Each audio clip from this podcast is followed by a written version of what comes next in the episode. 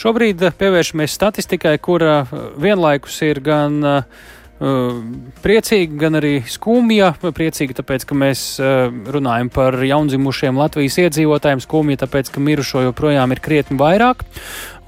Statistikā arī šogad to mēs redzam, un tūdaļ noskaidrosim, kādi tad ir tie galvenie skaitļi. Centrālās statistikas pārvaldes sociālās statistikas direktoras vietniece Sigita Puronas Sīda ir pie mūsu klausulas. Labdien! Labdien! Nu, ko par mirstības datiem sāksim ar tiem, kādi tie ir otrajā ceturksnī. Tie ir tie jaunākie dati, vienkārši, ko mēs redzam, jūs esat publiskojuši.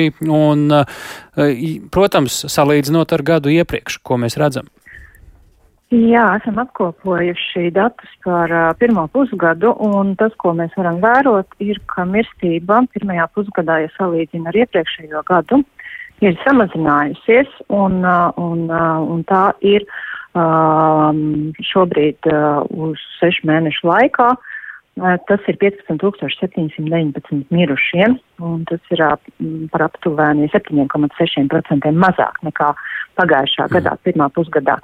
Un tāds lielākais pīķis bija vērojams martā šogad, kad, kad vēl joprojām tā bija augsta, kas pārsniedz pagājušo martu, bet nu, šobrīd šie rādītāji, nu, tā teikt, uzlabojās. Uh, un mirušo skaits samazinās. Tad kopējais Bet, pirmais pusgads ir optimistiskāks, jā, drusciņi. Uh, jā, jā, jā, nu, vērosim, kā būs tālāk, otrais, cerams, ka, mm -hmm. ka arī viss būs labi.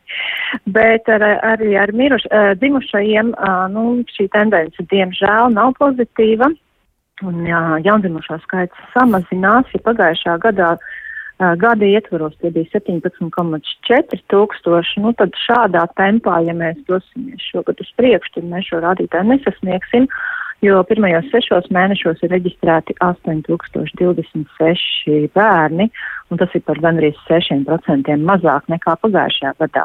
Mhm. Bet tas ir diezgan likumsakarīgi, jo, ja pavērot tādu dzimstības tā tendenci un to, to, to, to datu līkni, uh, tad ir redzams, ka tāda pamatīgas dzimstības uh, bums ir bijis, pēdējais ir bijis 80. gadu beigās, 90. gadu sākumā, kad uh, gadā piedzima vairāk kā 42 tūkstoši mazuļu, bet arī tajā laikā arī iedzīvotājs skaits tiešām bija krietni virs diviem miljoniem.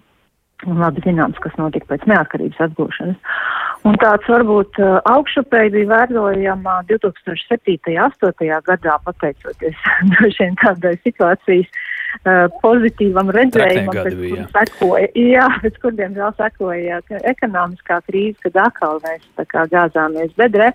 Un, un tad vēl pēdējais tāds uzrāviens bija 14, 15, 16 gads, kas ir skaidrojams ar to, ka tie, kas piedzima 80. gada beigās, Tie bija sasnieguši to maģisko ciparu 30, kas tagad ir normāli, kad dzimst pirmie bērni īstenībā. Uh mhm. -huh. un, uh, un tāds nu, aktīvākais vecums, uh, kad, Jā. kad dzimst bērni. Nu, tad līdz ar to paliekam mazāk, fertilajā vecumā jaunieši, jauni cilvēki ir mazāk un dzimstība krītās. Kas notiek ar to plaisu starp uh, dzimušajiem un mirušajiem? Nu, es um, atverot uh, to statistiku, kas man bija pieejama, nu, tur izskatās, ka šobrīd, nu, kā tas iedzīvotāju skaita izmaiņas, uz kuru pusi līdz ar to mums ir mhm. gājušas. Jā, nu, protams, ņemot vērā, ka mirstība krietni pārsniedz dzimstību pat div, divkārt tad šis dabiskais pieaugums, kas ir statistiskais termins, ir negatīvs, un tas mums ir negatīvs jau kopš 90. gadu sākuma. Un tad pirmajā pusgadā nu, par 8000 mazāk mēs esam Latvijā kļuvuši tieši, ja runājam par dabisko kustību. Tātad tā ir tā starpība. Un ja mēs paskatāmies, paskatāmies pēdējo gadu, nu tur es redzēju līdz 15. gadam bija tā atkāpšanās atpakaļ, ja tajā statistikā, ko es redzēju, tā plaisa ir tikai pieaugusi, joprojām arvien vairāk, arvien lielāk šī starpība starp mirsti, mirušajiem un dzimušajiem, vai tomēr ir optimistiski kaut ko tur var ieraudzīt? Uh, mirstība pirms pandēmijas bija diezgan stabila, kas bija 28 tūkstoši, un kā jau es minēju, tad dzimstība mums mazliet auga tur 15. un 16. gadā, tad šis dabiskais uh, pieaugums uh, bija vērtējums mazliet pozitīvāks, bet vienalga negatīvs ar mīnuszīmi. Nu, attiecīgi šobrīd, kā uh, pēdējā, pēdējos divos gados, ja mirstība mums pamatīgi pieauga, uh, un dzimstība joprojām krītās, nu, tad tas ir arvien negatīvāks. Diemžēl. Kā, nekādas pozitīvas iezīmes pagaidām nav redzams. Bet cerība, jā, ja mirstības rādītāji uzlabojās, un mums ir kaut kādi, kaut kādi apstākļi, kas, kas, kas rada to, ka dzimst vairāk bērniņu, tad varam cerēt kaut ko pozitīvu. Nu, labi, ka pandēmijas lielās mirstības pīķi šobrīd ir sārukuši. Liels paldies par sarunu Centrālās statistikas pārvaldes sociālās statistikas direktoras vietniece Sigita Purona Sīda. Uz īsu sarunu esmu aicinājuši arī Jāni Hermanu, ekonomistu Latvijas darba devēja konfederācijas finanšu un nodokļu ekspertu. Labdien! Sveicināti! Nu, tādos virsrakstos, kur šobrīd esam nonākuši un kuriem skaitļiem jūs pievērstu lielāku uzmanību tajā statistikā, kas šodien redzama? Uh, nu jā, te tika pieminēta arī mirstība, uh, sākšu varbūt ar mirstību un tad turpināšu dzimstību. Mirstība tik tiešām viņa atgriežas tādās pirms pandēmijas uh, līmeņos, ja, ja mums viņa, viņa bija pakāpusies 20. gada nogalē un 21. gada nogalē.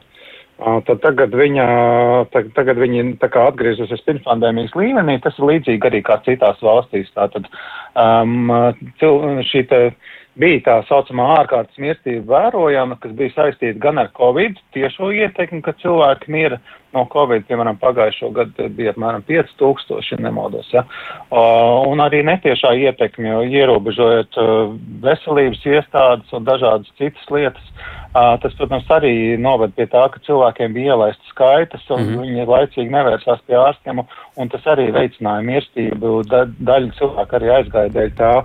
Uh, nu, bet var teikt, ka šobrīd tā, tā, tā tendence atgriežas pirms pandēmijas līmenī un, un tādā, kas par citu joprojām ir augstāks nekā citur Eiropas valstīs ir rēķini pret iedzīvotājiem, jo, jo mums tomēr tā veselības aprūpas pieejamība nav tik laba.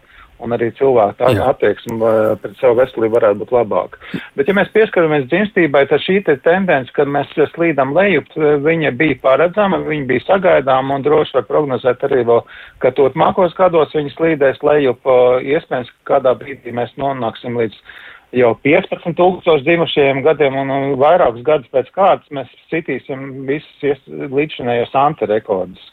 Kas, kā jau pareizi piemin, iepriekš pieminēja, tas ir saistīts ar šo te paudžu nomaiņu, reproduktīvā vecumā ienāk tā paudze, kas dzima 90. Gadu, 90. gados, kas bija mazskaitlīgāka nekā tie, kas bija pirms viņiem.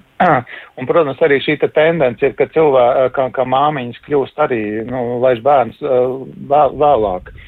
Uh, jā, nu, līdz ar to, un vēl, protams, arī emigrācijas vilnis, kas bija pēc dišķibels, tas arī ietekmēja to, ka arī šo vecāku ir mazāk un līdz to mazoļu ir mazāk. Uh, bet, nu, kas, ko mēs varētu darīt? Nu, ja, piemēram, paskatāmies kaimiņu valstīs, ir līdzīga situācija ar, gan, gan arī ar iedzīvotāju to vecumu struktūru un tā tālāk, bet Igauniem veicās labāk, jo viņi, piemēram, vairāk veicinājuši, viņiem sekmīgāk ir izdevies likt akcentu uz trīs bērnu ģimenēm, ņemot vērā to, ka nu, sievietes arī laiž bērnus pasaulē vēlākā vecumā, ir ļoti svarīgs šis te atbalsts, lai būtu sekmīga pieredze ar pirmo, ar otro bērnu, lai ģimenes justos droši. Un tas arī mums liek domāt, ko mēs vēl varētu izdarīt vairāk, lai ģimenes justos, bērniem justos drošāk.